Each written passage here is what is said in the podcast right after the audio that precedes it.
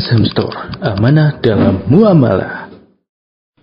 من يهده الله فلا مضل له ومن يضلل فلا هادي له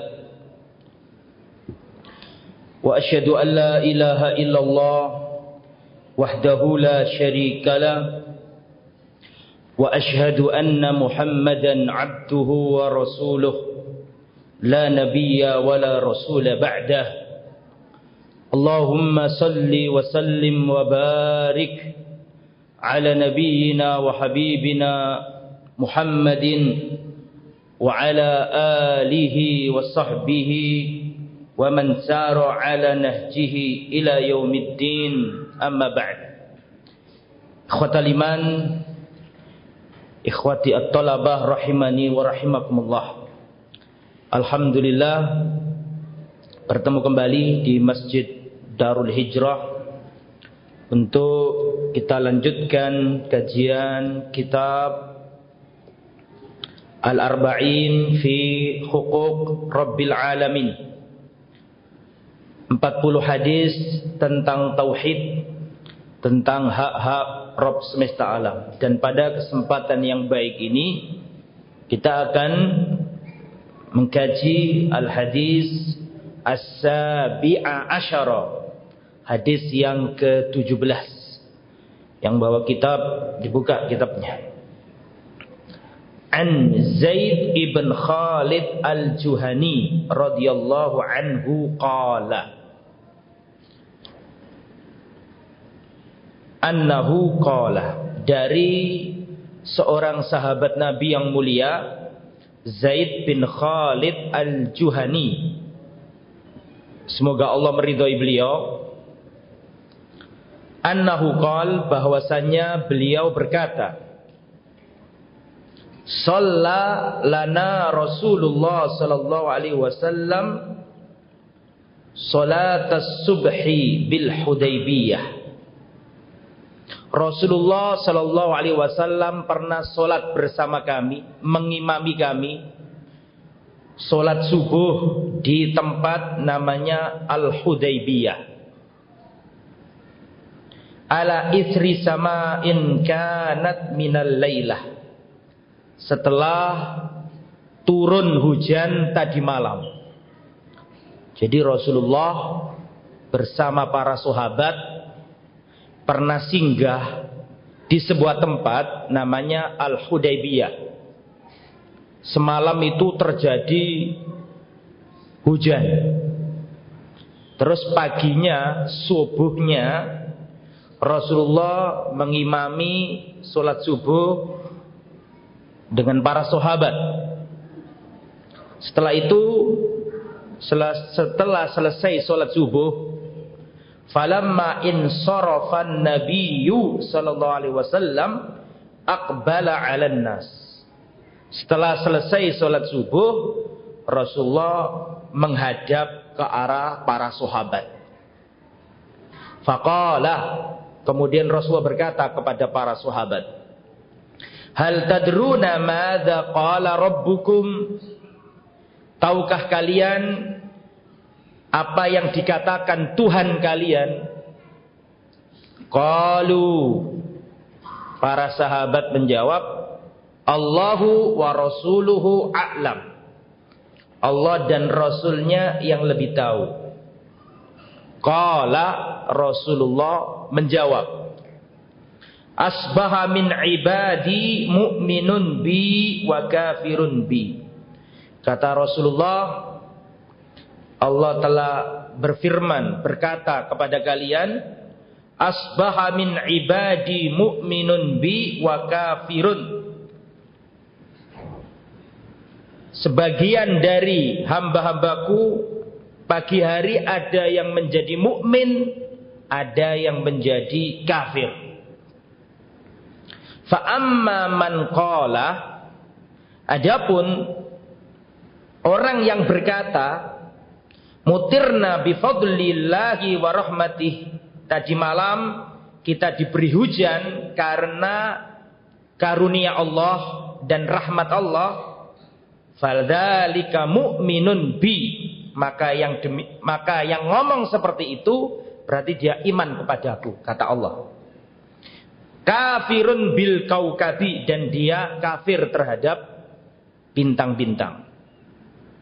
Wa amma man qala adapun yang ngomong di antara kalian mutirna binau'i kadza wa tadi malam kita diberi hujan karena adanya bintang ini dan bintang itu fadzalika kafirun bi. Maka yang ngomong seperti itu dia kafir kepadaku wa mu'minun mu'minun bil kaukabi. Dan dia iman kepada bintang-bintang. Muttafaqun alaih hadis muttafaq alaih riwayat Bukhari Muslim. Jadi begini kepercayaan jahiliyah itu menisbatkan turunnya hujan dengan adanya bintang tertentu. Kalau ada bintang seperti ini akan ada kejadian seperti ini. Kalau ada bintang ini maka akan terjadi ini. Nah, itu. itu keyakinan jahiliyah. At-tanjim mempelajari ilmu nujum. Jadi melihat benda-benda langit untuk meramal apa yang terjadi di bumi. Itu termasuk perbuatan orang-orang jahiliyah. Lah, hal itu tidak benar. Makanya kita harus menisbatkan turunnya hujan itu kepada Allah. Bahwa yang menurunkan hujan itu Allah. Lah, Allah Subhanahu wa taala menciptakan bintang itu untuk tiga hal. Tidak boleh ditambahi satu. Ya wis tiga itu. Ya, saya ulangi, Allah Subhanahu wa taala menciptakan bintang itu untuk tiga hal. Uktubu. Khalaqallahu hadhin nujum li salasin.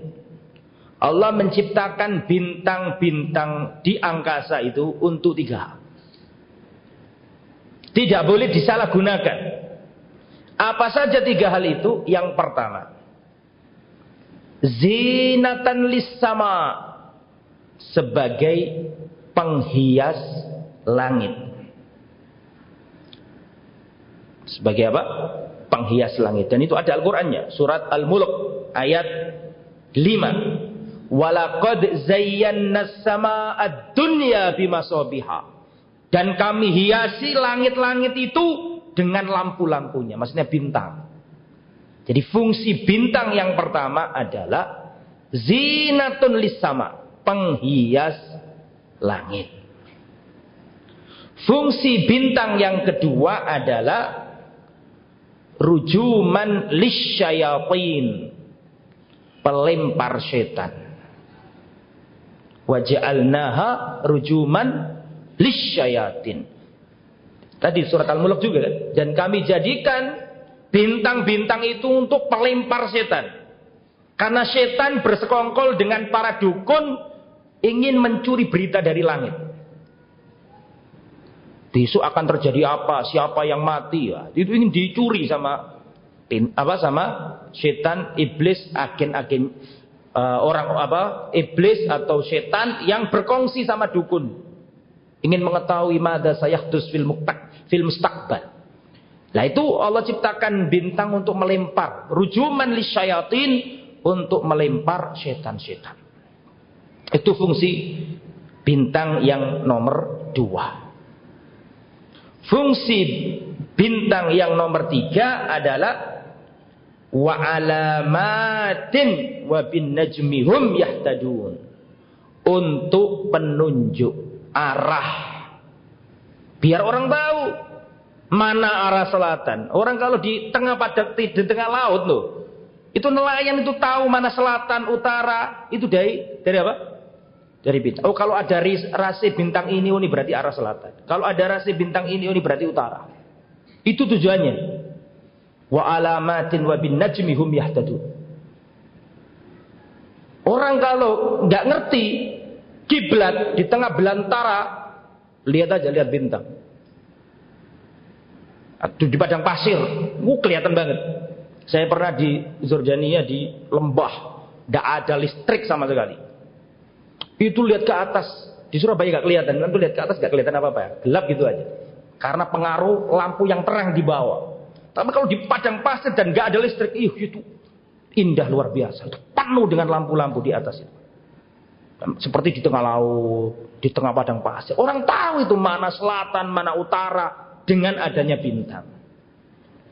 Itu disampaikan oleh Al-Imam Qatadah, seorang tabi'in. Bahwa fungsinya bintang ada berapa tadi? Tiga. Lah, ada orang-orang jahiliyah dan diwarisi oleh para dukun dan para penyihir untuk mempelajari ilmu perbintangan, tanjim, ilmu nujum. Tujuannya untuk mengkaitkan benda-benda langit dengan apa-apa yang akan terjadi di bumi. Ini yang dilarang. Jadi uh, sebelum saya lanjut perlu dipahami banyak hadis-hadis yang mencela mempelajari ilmu perbintangan. Bahkan syu'batun min asihir. Termasuk cabang ilmu sihir adalah mempelajari ilmu perbintangan. Berarti hukumnya mempelajari ilmu perbintangan itu bagaimana? ada perincian. Ada perincian. Uktubu. Ini juga disebutkan oleh Fadilatul Syekh Al-Utsaimin rahimahullah rahmatan wasi'an dalam kitabnya Al-Qaulul Mufid Syarah Kitab Tauhid. Diterangkan bahwa mempelajari ilmu perbintangan itu ada dua macam. Uktubu ya, ditulis ya, yang bawa buku yang uh, mempelajari ilmu perbintangan itu ada dua. Yang pertama ilmu atas yir.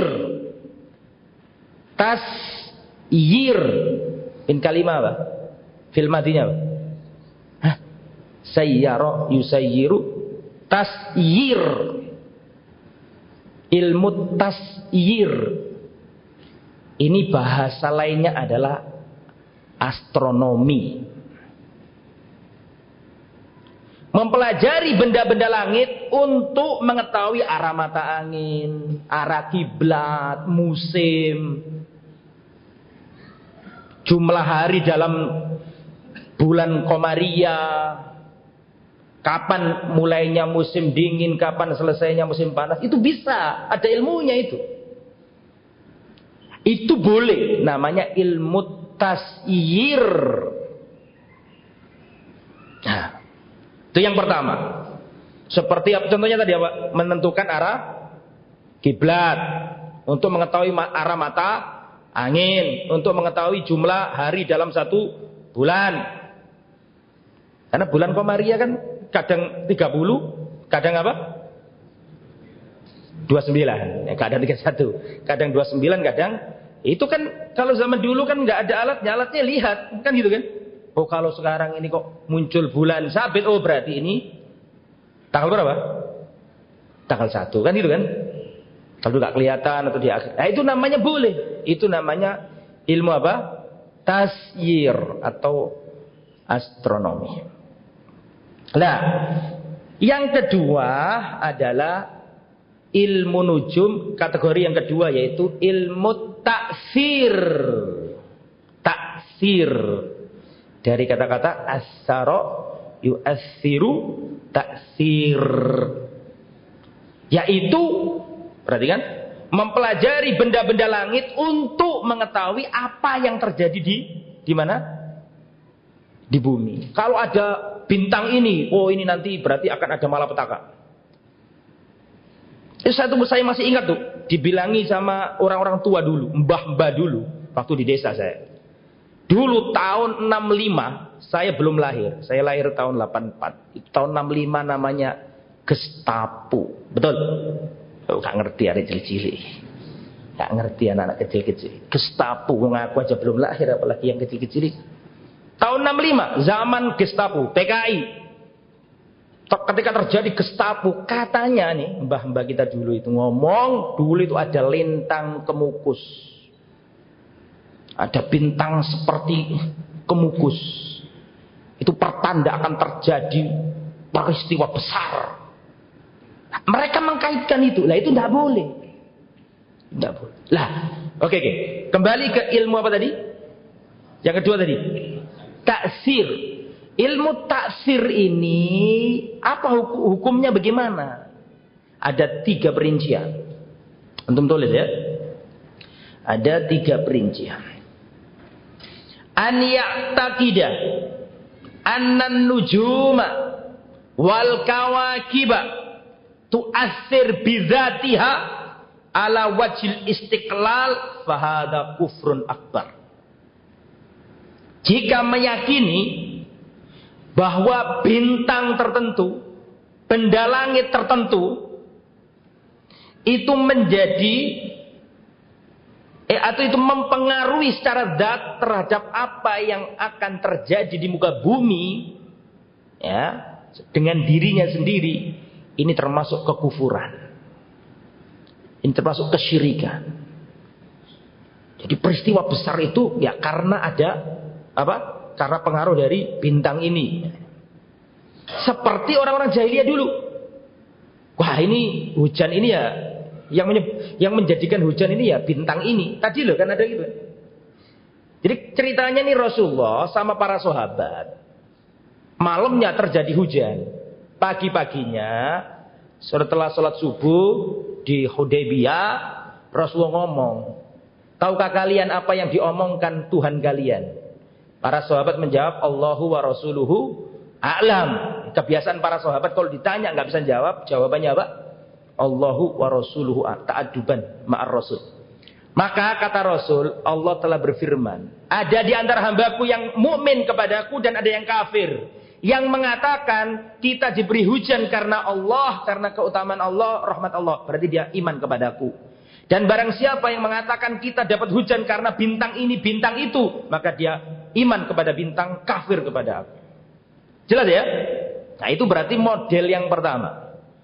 Model yang pertama ini adalah menganggap bahwa bintang itulah yang menyebabkan, bukan menyebabkan, bintang itulah yang menjadikan dengan sendirinya terjadinya perkara suatu yang ada di muka bumi. Makanya kan dipakai ramalan kan?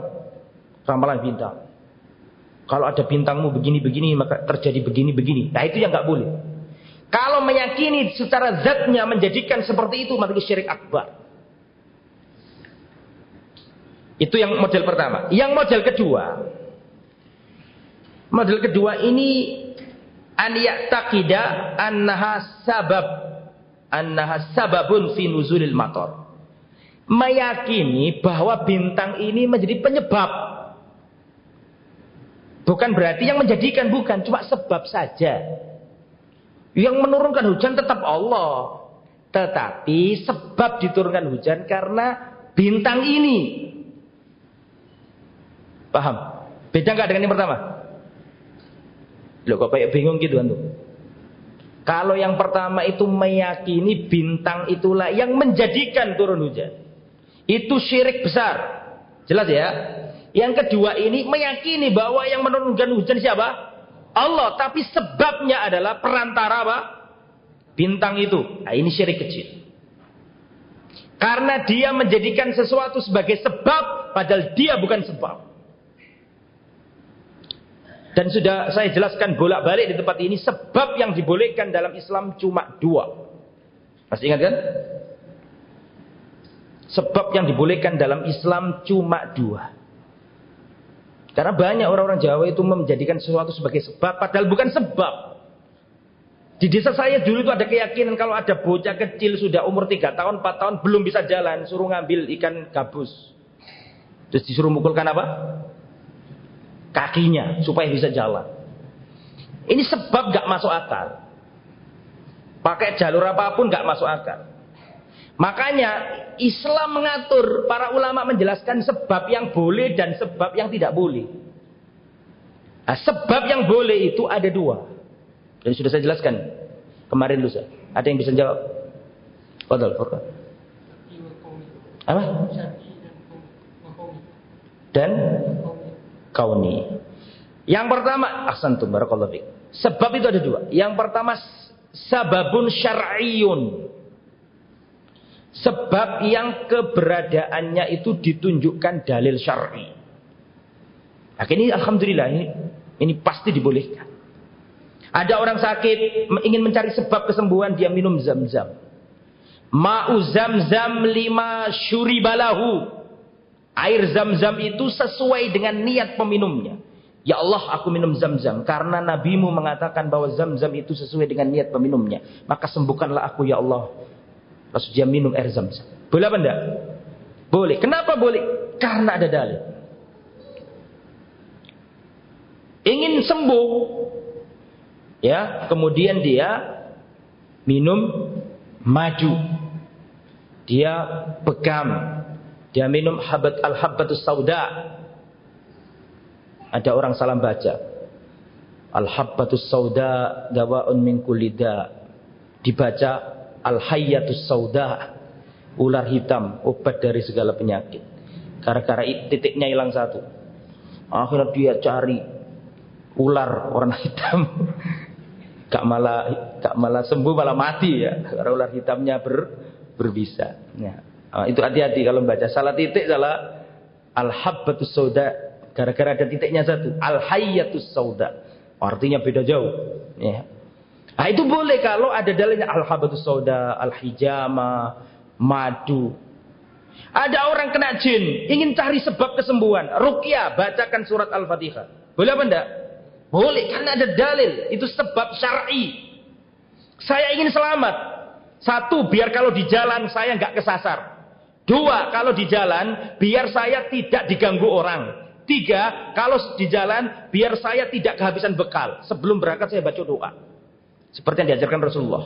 Bismillahirrahmanirrahim. Barang siapa membaca doa ini dikatakan kepadanya hudida kufida wukita watanaha anhu syaitan. Barang siapa membaca doa ini maka Hudita diberi petunjuk, Ukita dilindungi, Kufita dicukupi, dan setan lari darinya. Nah, kita ingin selamat sebelum bepergian jauh baca doa itu. Boleh apa enggak? Boleh. Kenapa boleh? Karena ini sebab syar'i. Nah, itu itu sebab syar'i. Sebab yang kedua adalah sebab kauni. Sebab kauni. Sebab yang nggak ada dalil, tetapi secara kauni itu benar nggak salah. Saya pengen, saya lapar. Supaya nggak lapar, saya cari sebab. Apa sebabnya? Saya makan. Nah, makannya sebab. Sebab apa? Kauni. Paham? Ada orang mencret, sering murus perutnya. Kata orang Jawa, suruh makan godong jambu, suruh makan daun jambu. Boleh apa enggak? Boleh apa enggak? Loh, bukan antum yang jawab, dokter yang jawab. Antum enggak punya kapasitas Kalau menurut dokter diteliti, diadakan eksperimen, dibawa ke laboratorium, terbukti bahwa daun jambu ini bisa mengatasi atau membantu mengobati penyakit diare, nah berarti boleh. Itu sebab kau. Lah kalau nggak nyambung syar'inda, kau ninda, maka ada dua kemungkinan. Kemungkinan adalah ada sababun khoyaliyun. Sebab hayal mitos nggak ada jeluntrungannya. Ya kayak tadi itu. Biar sembuh apa tadi? Ikan gabus dipecutkan atau dipukulkan ke kakinya balita biar bisa jalan. Ya dibawa dulu ke laboratorium. Kira-kira ini mengandung apa? Kalau nggak mungkin nggak boleh. Khoyali, nggak ada jeluntrungannya mitos. Atau yang kedua, syaitoni. Pakai bantuan apa? Jin. Ada orang datang ke dukun atau bukan dukun sekarang nggak mau dukun dikatakan dukun. Eh? ke wong pinter. Soalnya sing teko wong goblok. Ya. Atau ke paranormal atau guru spiritual. Atau pengobatan alternatif, bos macam-macam dari ini. Samen sakit apa? Oh saya sakit. Kata dokter saya di diagnosa sakit jantung, ada yang paru-paru. Bes, samen besok datang ke sini bawa ayam warna hitam legap. Doa ada penyakit oh, pengobatan seperti itu. Atau pakai telur kadang-kadang ya kan. Syaratnya macam-macam. Nah, nanti dipindahkan. Penyakitnya dipindahkan. ke binatang tersebut. Nah ini secara syar'i tidak mungkin. Eh, secara syar'i nggak ada dalil. Dan secara secara kau tidak mungkin terbukti. Kalau terbukti, dan ini nggak perlu ustadz yang jawab, dokter pasti ngelarang, karena ini pasti merusak pasarnya dokter dan mengganggu dunia medis. Seandainya itu seandainya itu kau nih bener-bener tutup semua rumah sakit itu. Nah, itu menunjukkan tidak benar. Imma khoyali wa imma syaitoni. Pakai bantuan apa? Sebab yang boleh ada dua tadi. Syar'i yang didukung oleh dalil-dalil syar'i atau kauni yang terbukti secara ilmiah. Kembali ke ilmu nujum yang nomor dua. Tadi kan ada tasyir, tasyir yang boleh. Betul ya? Astronomi. Yang kedua ini ilmu tadi? Taksir. Taksir ini biasanya dibiasakan astrologi. Kalau yang pertama tadi apa? Astronomi. Yang kedua ini astrologi. Co cocok logi. Kalau ada kayak gini, nanti akan kayak gini. Kalau bintangnya begini, akan seperti ini. Itu tak boleh. Tetapi ada, tadi kan ada dua perinciannya. Kalau meyakini zatnya, bintang itu yang menjadikan sesuatu itu, nah ini apa tadi? Syirik besar, betul ya? Tapi kalau meyakini Allah yang menjadikannya cuman ini sebagai sebab saja, maka ini syirik kecil. Karena ini ini menjadikan sesuatu sebagai sebab padahal bukan sebab. Bukan syar'i, bukan apa tadi? Kauni kodari, bukan. Tapi ada ilmu taksir yang boleh. Yang nomor tiga. Ini yang nggak disebutkan Syekh Utsaimin. Ilmu taksir yang ketiga itu aniyak takidah anna li ba'dil kawakib asbaban fit taksir bima qad ulima bil hissi wa ghairihi awisyar min hadil umur. Tetapi bisa ada yang boleh contoh. Misalnya meyakini orang itu kalau kena penyakit apa gitu, disuruh berjemur ke matahari. Bahwa keberadaan sinar matahari itu bisa dipahami? Keberadaan sinar matahari itu bisa mem membantu menyembuhkan penyakit tertentu. Itu boleh. Ini termasuk sebab yang nomor berapa tadi? Dari dua tadi loh. Antara syar'i sama kodari. Yang nomor berapa ini? Yang nomor dua. Itu pun boleh. Kalau ada musim begini, itu nanti biasanya padinya itu kena penyakit seperti ini. Itu tajribah, Pak. Orang petani-petani itu ngerti loh. Itu bukan cok gali cok, itu memang dipelajari sama mereka. Orang-orang petani di saya itu kalau kalau kalau musim begini nih, kok hawanya begini nih, biasanya nanti itu yang ada itu ulatnya begini. Paham maksudnya? Paham nggak kok melongai? Paham ya? Kalau musimnya seperti ini, kok hawanya seperti ini, biasanya itu nanti warangnya berupa seperti ini minat tajribah al-mutakarrirah. Faham tuh? Nah, kalau itu yudrok bil hissi, bisa diketahui secara apa? Panca indera kita. Seperti orang kalau kademen supaya itu ya oh ini waktunya terang, saya harus datang ke tengah-tengah biar kena panas, biar sembuh. Saya ya, boleh. Taksir namanya. Yuasir, tapi yang bu, yang boleh. Itu yang nomor berapa berarti? Taksir yang nomor berapa? Tiga.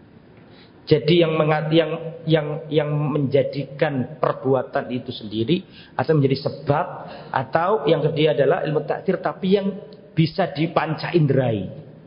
Panca indera membenarkan itu. Nah, itu yang dibolehkan. Itu ya masalah ilmu perbintangan tadi itu. Masih ada waktu kita tambah satu hadis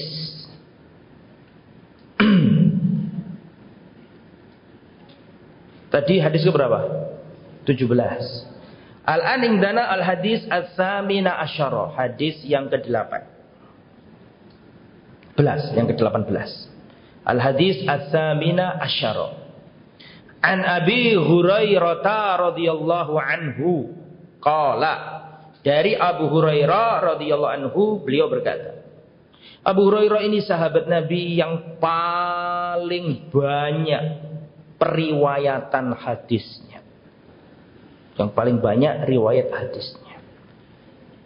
Abu Hurairah dia beliau dulu itu punya punya kucing kecil. Punya kucing kecil yang selalu bermain dengannya. Sehingga dilupakan nama aslinya yang diingat kunianya. Abu Hurairah, bapak dari kucing kecil. An Nabi Hurairah taqal dari Abu Hurairah beliau berkata Qala Rasulullah sallallahu alaihi wasallam Rasulullah sallallahu alaihi wasallam bersabda Qala Allah tabaraka wa ta'ala Allah tabaraka wa ta'ala berfirman Ini berarti hadis apa?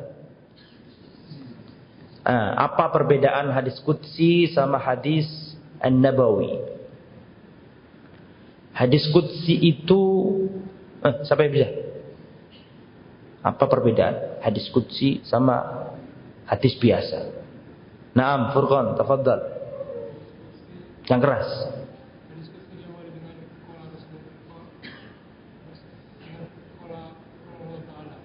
Hadis Qudsi diawali dengan dengan qala ta'ala. Terus kalau hadis Nabawi kan harus perbandingan ini begini ini begini. Hmm. Qala Rasulullah SAW. Tapi ini qala Rasulullah SAW. Qala Ta'ala. Itu sama aja kalau Rasulullah juga kan. Eh? Nah, terus. Eh, apa-apa terus. Perbedaan yang selanjutnya.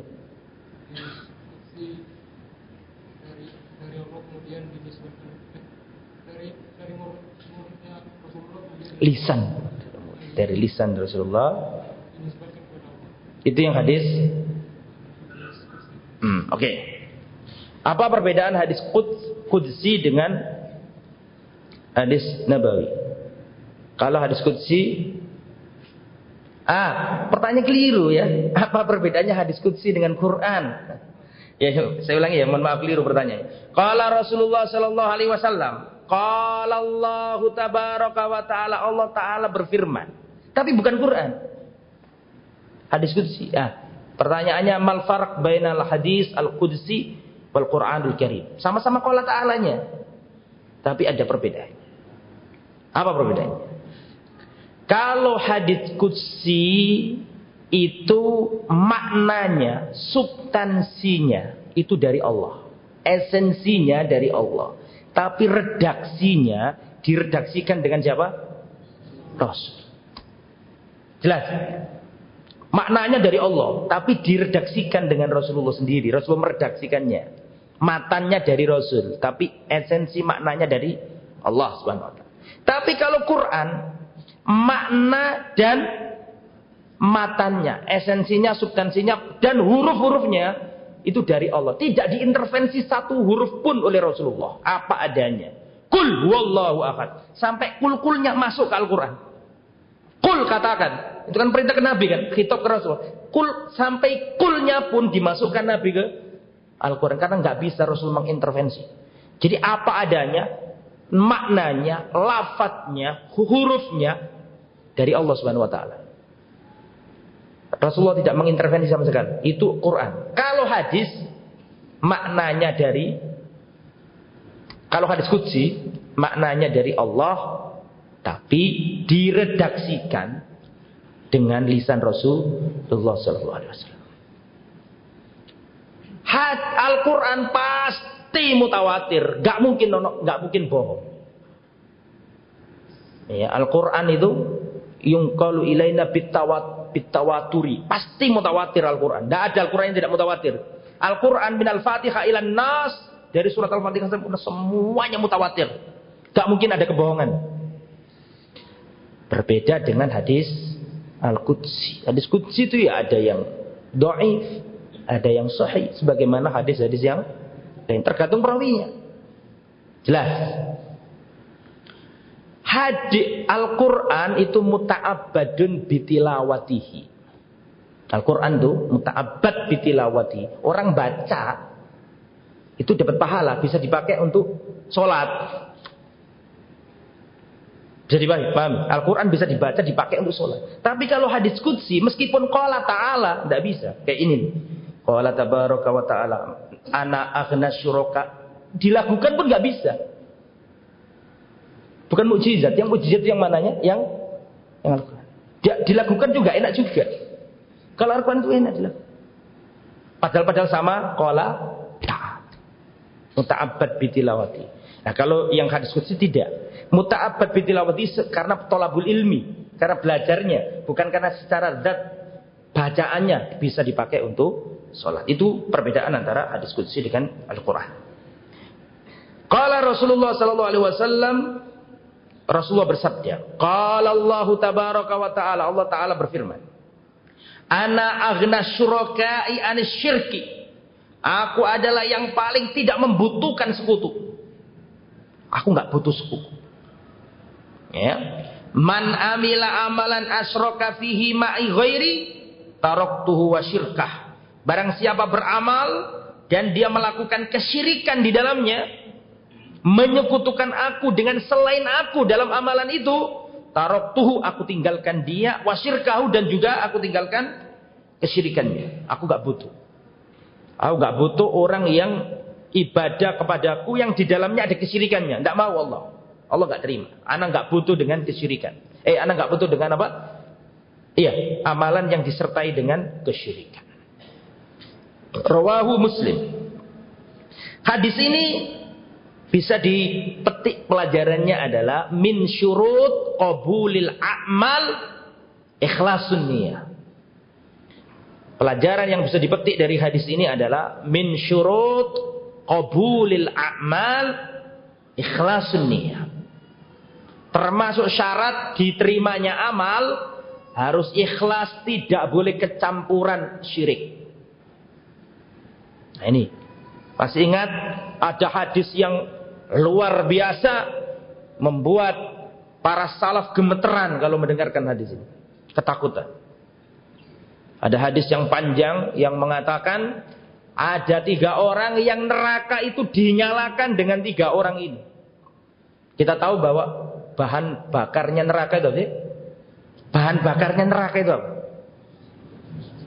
Pakuduhan nasual hijar. Bahan bakarnya neraka adalah manusia dan hijaro. Sebagian tafsir mengatakan hijaro ini batu asnam, sonam, apa yang disembah itu. Itu bahan bakar neraka. Jadi kalau neraka itu dicemplungi manusia semakin menyala. Enggak, enggak malah padam, malah menyala. Lah ada tiga orang yang neraka itu nyala dengan tiga orang ini. Tiga orang yang pertama kali dilemparkan ke neraka, bahkan yang pertama kali menjadi apa? Apanya namanya? Bahan penyulutnya atau istilahnya bahan bakarnya. Awal salah satu tusya'aru bihumun nar Ada tiga orang yang pertama kali neraka dinyalakan. Artinya yang pertama kali dilemparkan ke neraka. Kira-kira apa mereka? Siapa mereka ini kira-kira? Pembunuh? Bukan. Siapa kira-kira? Pezina seribu kali? Bukan. Peminum khamr? Bukan. Siapa kira-kira? Orang yang berjudi? Bukan. Ternyata tiga-tiganya ini orang yang membawa amalan sebesar gunung. Tidak ada amalan dalam Islam yang lebih dari tiga amalan. Tidak ada. Tiga amalan, amalan terbesar dalam Islam. Yang pertama adalah seorang yang mati di medan jihad. Jihad itu di dalam Islam digambarkan dirwatu sanamil Islam, puncak ajaran Islam. Ini mati di medan jihad. Ya. Tapi pada hari kiamat didatangkan kepada Allah Ditampakkan kepadanya nikmat-nikmat yang Allah berikan di dunia. Dan dia mengakui nikmat itu. Kemudian Allah berkata kepadanya, kamu gunakan untuk apa nikmat yang aku berikan kepadamu dulu? Dijawab sama dia, ya Allah aku berjihad di jalanmu, di jalan agama, di jalanmu. Aku berjuang, berjihad, membela agamamu ya Allah. Sampai aku mati di jalanmu. Kata Allah, engkau berdusta. Dulu kamu berjihad, berjuang, supaya orang-orang mengatakan bahwa kau adalah pemberani. Kamu ingin orang-orang mengatakan bahwa dirimu adalah pahlawan, fakot kil. Dan itu sudah dikatakan di dunia orang-orang sudah menjulukimu pahlawan. Dan itu yang kamu inginkan. Fasuhi ba'ala wajih diseret di atas wajahnya, dilemparkan ke neraka. Orang yang mati di medan jihad. Yang nomor dua, orang yang ahli Quran. Ahli ilm. Ahli ilmu. Ilmu itu tidak ada yang mampu menandinginya. Al ilmu la ya'diluhu syai' ilmu itu nggak ada yang mampu menandinginya. Gak bermanfaat karena ada bumbu-bumbunya dalam amalan itu. Apa amalan yang dikasih nikmat? Nikmatnya ditampakkan semuanya. Dia mengakuinya. Ditanya untuk apa nikmatku? Ya Allah aku dulu punya ilmu, punya baca Quran. Aku ajari manusia Al-Quran. Untukmu ya Allah. kau berdusta. Kau lakukan itu dulu supaya orang-orang mengatakan bahwa kamu adalah ahlul Quran alim, qari dan orang-orang sudah menjulukimu, kamu ahli Quran, ahli ilmu, semua orang sudah menjuluki menjuluki dirimu seperti itu dan itu yang kamu inginkan. Dan kamu sudah mendapatkan itu. Fasuhiba ala wajhi seret di atas wajahnya dan dilemparkan ke neraka. Itu ilmu. Gak ada amalan dalam Islam yang mampu menandingi ilmu. Al-Imam Ibn Qayyim rahimahullah mengatakan aslu kulli khair huwal ilm. Pokok pondasi dari seluruh kebaikan itu ilmu. Semua kebaikan itu dari ilmu. Itu nggak ada manfaatnya. Kalau nggak ikhlas karena Allah Subhanahu Wa Taala. Yang nomor tiga, didatangkan pada hari kiamat orang yang ahli dermawan, ahli sodako, Ditampakkan kepadanya nikmat-nikmat yang Allah berikan kepadanya. Dia mengakuinya. Dia ditanya untuk apa nikmatku? Ya Allah, tidaklah di sana ada jalan-jalan kebaikan yang engkau merintahkan agar kami saudara kecuali aku sodako di dalamnya. Aku infakkan hartaku di jalanmu ya Allah. Kata kamu berdusta. Dulu kamu lakukan itu supaya kamu dikatakan bahwa kau adalah seorang yang dermawan, ahli sodako. Dan itu sudah dikatakan di dunia. Dan itu yang kamu inginkan. Dan kamu sudah mendapatkannya. Dan kamu senang dengan julukan itu. Maka diseret di atas wajahnya dan dilemparkan ke neraka. Coba antum bayangkan. Ini yang satu ini jihad dengan harta. Yang pertama tadi jihad dengan nyawa. Yang kedua jihad dengan ilmu. Yang ketiga jihad dengan harta. Tidak ada pak amalan di dalam Islam yang lebih dari tiga ini. Ini amalan yang paling hebat. Gak ada manfaatnya terbuang sia-sia, dilemparkan ke neraka. Itu orang yang pertama kali dilemparkan ke neraka. Bukan orang yang ahli maksiat dalam artian amalannya itu jelek, amalannya kelihatannya bagus. Nah, ini harus hati-hati kita. Makanya dikatakan di sini anak agna syuraka anis syirik. Aku nggak butuh amalan yang ada kesyirikannya. Aku tinggalkan amal itu dan kesyirikannya. Makanya Kata Al-Imam Ibnul Mubarak, beliau mengatakan ini antum tulis ini. Al-Imam Ibnul Mubarak mengatakan rubba amalin saghirin tu'azzimuhun niyah. Bisa jadi amalan itu sedikit tapi besar karena niat pelakunya. Warubba amalin kabirin tusaghiruhun niyah. Dan bisa jadi amalan itu besar di mata manusia. Tapi kecil di mata Allah karena niat pelakunya. Nah, itu para salaf dulu tuh lebih perhatian sama niat daripada amal itu sendiri.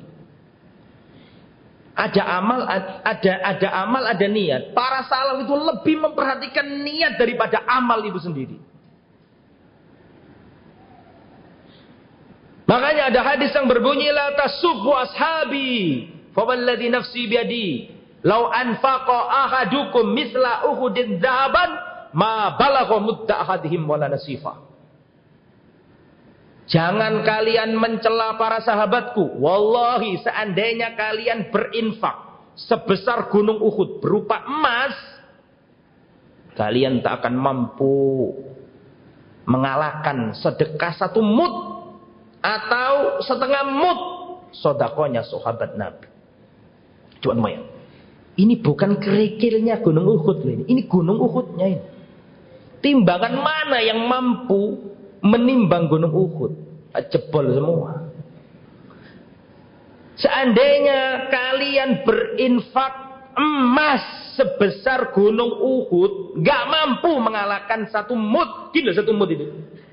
Gak mampu mengalahkan satu mut atau setengah mut. Sodakonya sahabat. Dan mut itu gak mungkin emas. Gandum. Terus kismis. Karena emas gak mungkin dimut. Gak bisa dimut emas. Alisa kadalik yang dimut ya beras, kacang-kacangan, apa? Dimut. Tapi kenapa? Karena sahabat itu amalannya ikhlas. Lihat-lihat Abu Bakar. Abu Bakar tidak seperti Khalid bin Walid. Dari segi panglima perang mengalahkan musuh-musuh. Ya. Tapi Abu Bakar melampaui seluruh para sahabat. Karena hatinya para sahabat itu beda dengan hati kita. Makanya Abdullah bin Mas'ud pernah mengatakan, Abdullah bin Mas'ud itu ketika para sahabat senior sudah wafat, di hadapan beliau banyak para tabi'in. Maka Abdullah bin Mas'ud menasihati para tabi'in. Mangkana minkum mustanna falyastanna bimang qad mata. Barang siapa di antara kalian ingin mencari suri toladan, carilah suri toladan itu dari orang-orang yang sudah mati. Ulaika ashabu Muhammadin sallallahu alaihi wasallam. Mereka itulah sahabat-sahabat Muhammad sallallahu alaihi wasallam. Kanu abarra hadhil umma quluban. Mereka adalah manusia-manusia yang paling bersih hati paling bersih hatinya. Tidak ada hasad. Putih untuk saudaranya. Para sahabat itu. Abarro hadhil umma kuluban. Manusia yang paling bersih hatinya. Itu Khalid bin Walid pernah punya masalah sama Amar bin Yasir. Amar bin Yasir dihabisi, dicela-cela. Sama Khalid bin Walid. Amar bin Yasir ini lebih dulu masuk Islamnya. Tapi dari seterata sosial, ya kalah sama Khalid. Khalid bangsawan. Panglima perang. Jenderalnya kaum muslimin. Amar diam saja. Dimarah-marahi sampai akhirnya Amar datang ke Rasulullah mengadu. Karena dicela-cela sama Khalid bin Walid. Ketika melihat Amar mengadu ke Rasulullah SAW, maka Khalid pun ikut datang. Ya Rasulullah, itu Amar begini, begini, begini terus saling maki. Akhirnya Amar berkata, Ya Rasulullah, tidakkah engkau melihat bagaimana celaannya Khalid bin Walid kepada aku ya Rasul. Maka Rasulullah Shallallahu Alaihi Wasallam mengatakan, barang siapa menyakiti Ammar, berarti dia telah menyakiti Allah Subhanahu Wa Taala. Itu Khalid langsung mendatangi Ammar sampai Ke mana pun Amr diikuti sama Khalid. Saking takutnya sama Allah subhanahu wa ta'ala. Wallahi ya Amr aku tidak akan berhenti sampai kau benar-benar ridho kepada aku. Ketika Rasul sudah ngomong, sudah tidak ada. Sudah langsung putih hatinya. Sudah tidak ada dendam, tidak ada apa. Langsung minta maaf. Khalid, itu Khalid yang dikatakan oleh Allah. Saifun min suyufillah itu langsung dari lisannya Rasulullah. Khalid ibn Walid. Saifun min suyufillah al-maslula ala a'nakil kufar.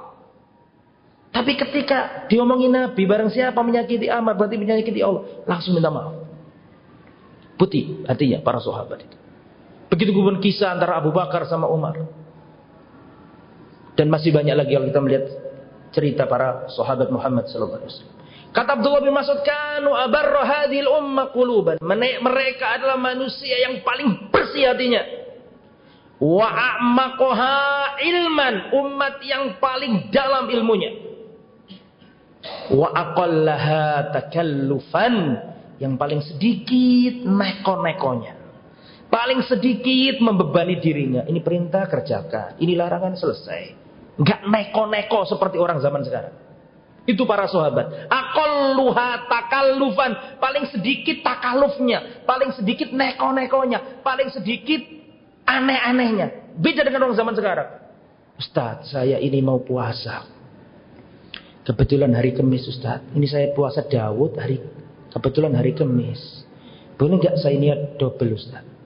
Kebetulan ini juga 10 Muharram Ustaz. Kebetulan juga ini kadang-kadang ayamul bid Ustaz. Para sahabat tidak seneko-neko dirimu. Sederhana saja al-iktisadu fi sunnah khairun minal istihadi fil bid'ah. Tapi ini bukan bid'ah ya, ini boleh, bukan nggak boleh. Mohon maaf, ini ini boleh. Secara fikih boleh, tetapi para sahabat tidak sejelimet itu dalam beribadah. Antum terbiasa Daud kok kebetulan Daud kena hari Senin alhamdulillah segitu aja. Enggak usah di double-double sampai kadang-kadang empat. Nah, tidak seneko-neko itu. Dari sisi fikih mungkin boleh-boleh saja. Tapi pertanyaan seperti itu tuh tidak pernah dinukil dari siapa? Para sahabat. Karena para sahabat itu lempeng lurus. Mau Daud ya Daud. Perintah kerjakan, larangan berhenti. Tidak neko-neko. Wa aqallaha takallufan. Qaumun ikhtarahumullahu li suhbati nabiyhi kaum yang Allah pilih untuk menemani nabinya. Qaumun ikhtarahumullah li suhbatina wa iqamati dinihi fa'rifu lahum fadlahum wattabi'uhum fi atharihim wa tahassanu bi akhlaqihim fa innahum kanu 'alal hadiyil mustaqim. Maka dari itulah kita harus banyak mengenal para sahabat karena dengan itu kita akan tahu bagaimana manusia-manusia mulia itu digembleng oleh Rasulullah SAW dan Allah turunkan sebuah ayat dari langit memuji para sahabat Rasulullah SAW. Surat At-Taubah ayat yang ke-100. Wasabiqun al-awwalun minal muhajirin wal ansar walladzina taba'uhum bi ihsan radhiyallahu anhum wa radu'an. Orang-orang yang terdahulu yang awal-awal masuk Islam dari kalangan muhajirin, ansar dan orang-orang yang mengikuti mereka dengan baik tiga-tiganya ini radhiyallahu anhum Allah ridho kepada mereka jadi syarat diridhoi Allah menurut surat At-Taubah ayat 100 saya ulangi ya menurut surat At-Taubah ayat 100 untuk diridhoi Allah wajib menjadi salah satu di antara tiga golongan Muhajirin, ente nggak mungkin jadi muhajirin, sudah selesai masalahnya, masanya. Ansor nggak mungkin juga, sudah selesai. Kita diberi Allah jatah yang nomor tiga. Apa tadi? Walladzina taba walladzina taba'uhum bi ihsan. Dan orang-orang yang mengikuti mereka dengan baik. Jatah kita yang nomor tiga ini. Karena jadi muhajirin seperti Abu Bakar, Umar, Utsman Ali tidak mungkin sudah. Selesai masalahnya, masanya. Menjadi ansor seperti Sa'ad bin Abi Waqqas, eh, Sa'ad bin Mu'ad, Sa'ad bin Ubadah. Tidak mungkin. Kita diberi Allah jatah yang nomor tiga. Gak ada pilihan lagi. Sudah habis pilihannya, tinggal tiga ini. Kalau mau diridai Allah, pilih yang nomor tiga ini. Mengikuti para sahabat dengan baik. Mengikuti apanya? Agamanya. Mengikuti apanya? Akidahnya. Mengikuti apanya? Muamalahnya. Mengikuti apanya? Semuanya. Allah ridho. Ridho apanya? Ridho cara beragamanya dan cara berdakwanya, cara muamalahnya. Semua aspek kehidupan Rasulullah dan para sahabat kita harus meneladaninya. Mudah-mudahan apa yang disampaikan bermanfaat. Mohon maaf atas segala kekurangan dan khilafan. Subhanakallahumma bihamdika asyhadu an la ilaha illa anta astaghfiruka wa atubu ilaik. Wassallallahu ala nabiyyina Muhammadin wa ala alihi wa sahbihi ajma'in wa akhiru da'wana alhamdulillahi rabbil alamin. Wassalamualaikum warahmatullahi wabarakatuh.